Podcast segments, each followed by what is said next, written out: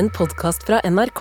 Hør alle episodene kun i appen NRK Radio. Gode forslag kan ikke gjentas for ofte, heter det i politikken. Og det er kanskje slik SV tenker når partiet denne uka fremmer et representantforslag på Stortinget om å innføre en bemanningsnorm på norske sykehjem. For partiet har tatt til orde for slike løsninger i mer enn 20 år, og også denne gang er responsen fra Arbeiderpartiet lunken. De to partiene møtes til debatt om saken i dagens utgave av Politisk kvarter, som også skal til Bergen, der MDG flørter med ny partner.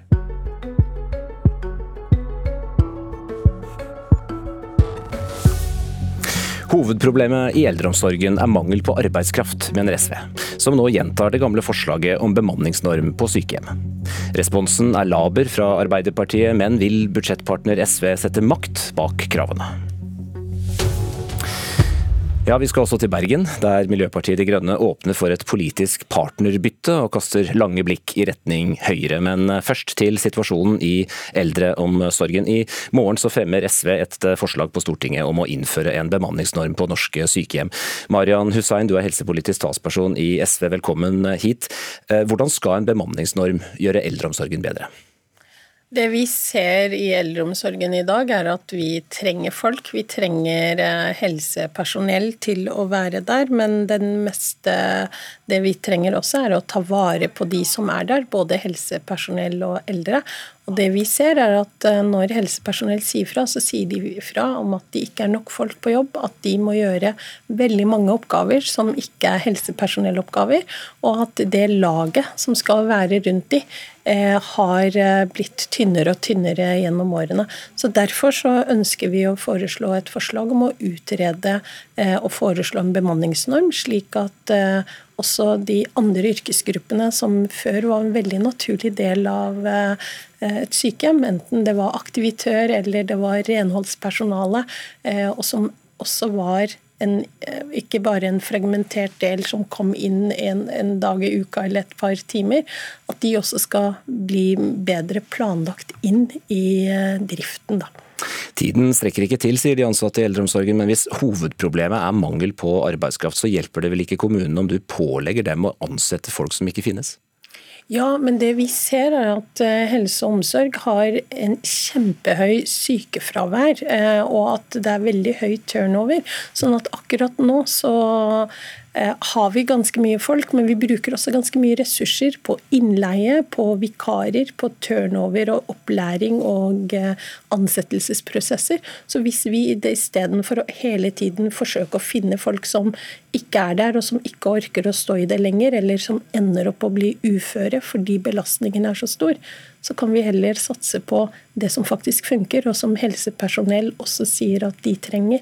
Eh, som er bemanning og flere eh, ansatte. SV har foreslått eh, tilsvarende ting før. I 2003 så gikk Olav Gunnar Ballo ut og sa at en bemanningsnorm burde innføres for pleiere på sykehjem. Han foreslo at normen skulle være én pleier per pasient når pleierne er fordelt på vakter gjennom hele døgnet. Er dette fortsatt SVs utgangspunkt? Eh, jeg vil ikke ha brukt de ordene som har blitt eh, så mye mer kjent siden den gang, men jeg mener at vi bør se på, eh, på det, utrede det og foreslå det. Men, men, jeg er veldig opptatt av at vi ikke forplikter oss til kun bare de som driver med direkte pleieoppgaver, men at vi tenker hele laget rundt de eldre og rundt helsepersonellet. For det laget, det trengs. Og akkurat nå så sier helsefagarbeidere og sykepleiere som jobber på sykehjem, at vi trenger flere kollegaer.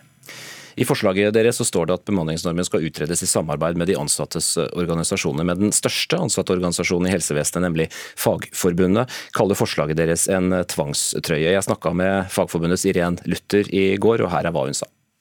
Intensjonen er nok god, men jeg syns at det er partene lokalt som skal eh, bestemme eh, hvem og hva slags kompetanse de skal ha til enhver tid på jobb. Eh, og ikke at man sentralt skal sitte og styre fordi man har ikke den lokale kunnskapen.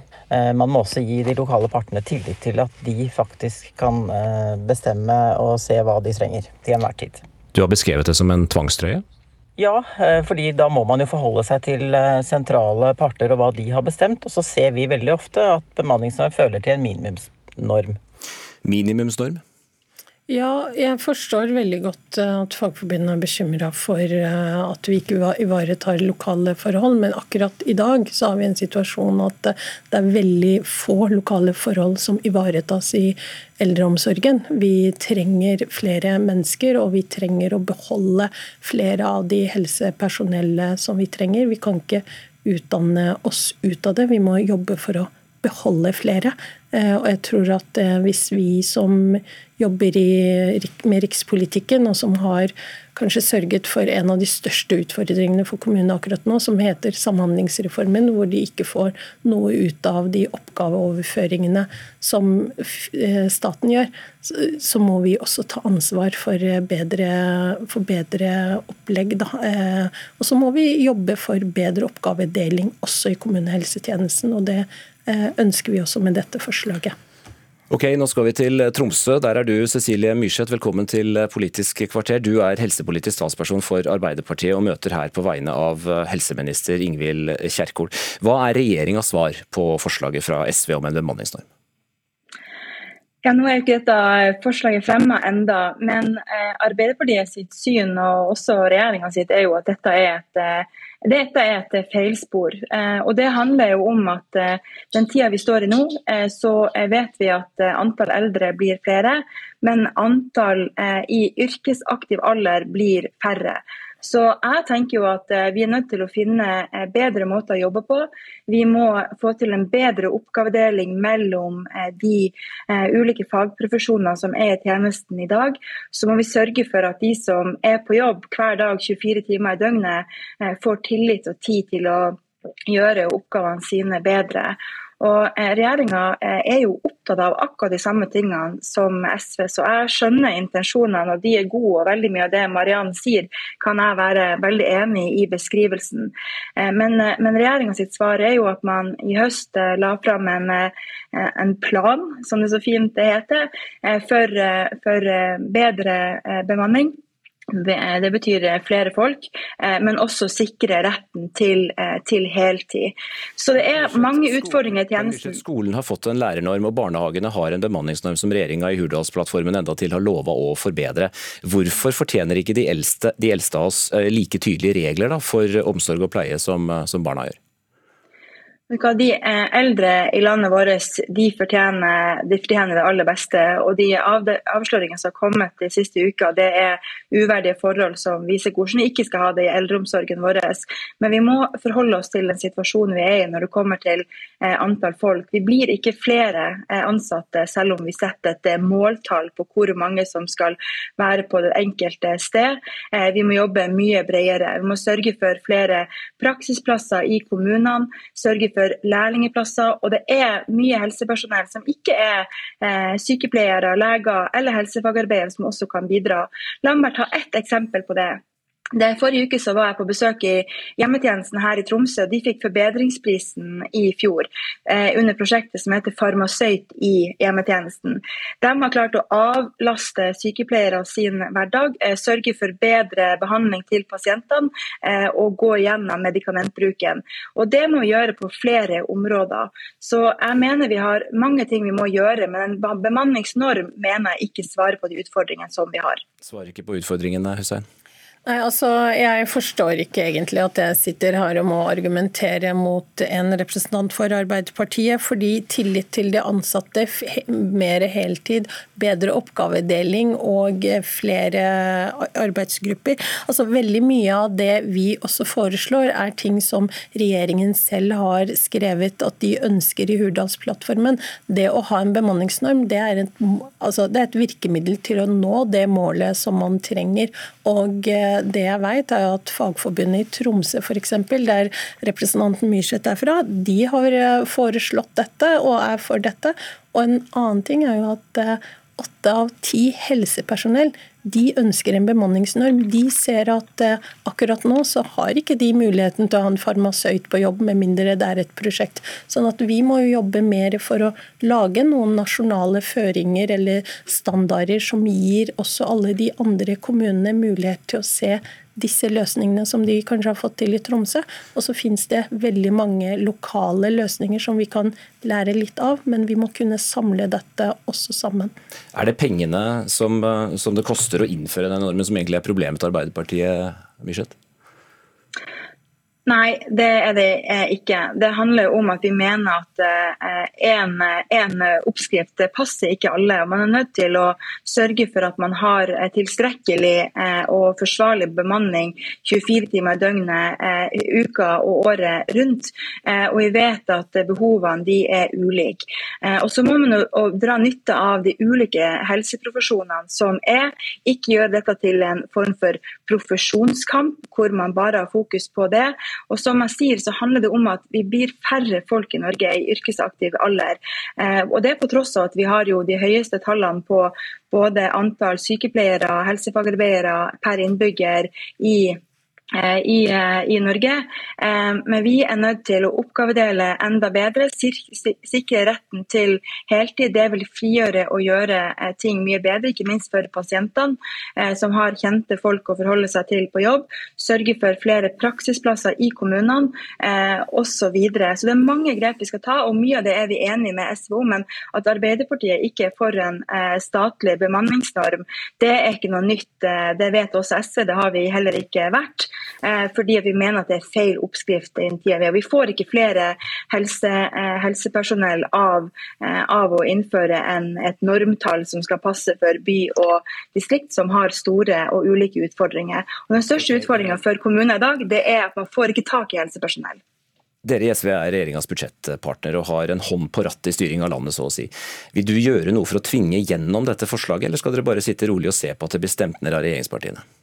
Vi skal jobbe for å få flertall for de um, forslagene vi foreslår. og uh, Det har jo skjedd tidligere at regjeringen har stemt ned våre forslag i et Dokument 8-forslag, og etter hvert uh, innsett at de allikevel var gode nok til å bli med i en budsjettforhandling. Så, så tiden vil vise. Men det som er viktig for meg å si, er at altfor lang tid så har vi skjøvet fra oss den belastningen det er å gi omsorg. og omsorg omsorg koster penger, det tar tid. Den stykkevise delte finansieringen av eh, omsorgsyrkene må ta slutt. Og vi kan ikke sitte og se på at eh, flere helsepersonell slutter i yrket, eller at de blir uføretrygda pga. de belastningene de får i arbeid. Så her må også regjeringen eh, være utålmodig med oss.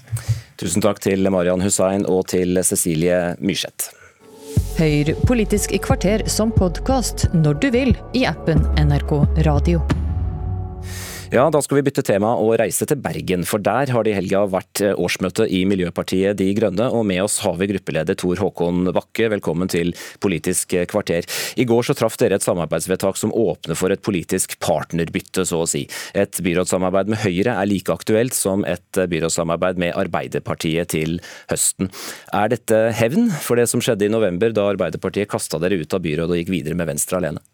Nei, absolutt ikke. Eh, vi er en eh, samarbeidsvillig gjeng, og Bergen er en altfor liten by til å ha uvenner. Eh, og For oss så er jo saker som klima, natur, solidaritet og menneskevennlig byutvikling det aller, aller viktigste. Og Da kan ikke man la litt vondt blod stå i veien for det. Og Så har vi også fått masse gjennomslag med Arbeiderpartiet i denne perioden. Det handler om raskere jernbane mot Voss og mot Oslo, det handler om bybane, ja, menneskevennlig byutvikling. og, og så mye viktig, god solidaritetspolitikk. Eh, og Det tror vi også vi kan få til sammen med Høyre. Du lot deg intervjue i Bergensavisen forleden, og der holdt du fram programmene til Arbeiderpartiet og Høyre og sa at Arbeiderpartiet mangler retning, og du kalte Høyres for selvmotsigende. Det er ikke akkurat inspirert sjekking fra din kant? Nei, altså Partiprogrammene deres eh, er jo ganske grå. Eh, sant? Det ene er kanskje litt rødgrått, rød-grått, og det andre er kanskje litt blå-grått. Og Så er det mye spagat. da. Altså for eksempel, Hvis du går til Bergen Høyre sitt program, så anerkjenner jo de at vi står i en klima- og naturkrise, og samtidig ønsker de å bygge mye mer motorvei, som f.eks. Hordfast. Og Det samme gjelder også Arbeiderpartiet, de ønsker mer motorvei. Men så ser vi at f.eks. samarbeid med Miljøpartiet De Grønne det vil føre til at disse partiene, også Høyre, kan lande ned på den, hva skal jeg si, den grønnere foten Eh, og Det vil jo være mye bedre for eh, både klima og natur og for menneskene i Bergen by og bomiljø og alt mulig sånt fremover. Så det er selvfølgelig det beste om man stemmer på Miljøpartiet De Grønne om man ønsker grønn, god politikk. Men eh, det at vi er samarbeidsvillige er også viktig realpolitisk. Fra Høyre så er mottakelsen ganske laber og lunken. De er åpne for å samarbeide med alle partier som vil skifte ut dagens byråd, sier de, men avstanden er stor til MDG f.eks. innenfor byutvikling, som du selv har hatt ansvaret for, og arealplanlegging. Hvor alvorlig skal Høyre ta dette frieriet deres? Nei, Samtidig har jo Kristina Meyer, førstekandidaten til Bergen Høyre, tidligere vært åpen for MDG, og vi opplever på ingen måte at de avviser oss. Eh, og Som sagt så er ikke dette noe frieri fra vår side eller noe anerkjennelse eller noe forsøk på å gi dem masse legitimitet eh, i grønn politikk, men det handler om at eh, den viktigste skillelinjen i norsk politikk nå, den går mellom grått og grønt. Og fremover så må vi ha mer god grønn progressiv politikk for klima, for solidaritet, og da må partier som MDG også være samarbeidsvillig og reelt blokkuavhengig. Dette var Politisk kvarter, mitt navn er Mats Røding. Du har hørt en podkast fra NRK. Hør alle episodene kun i appen NRK Radio.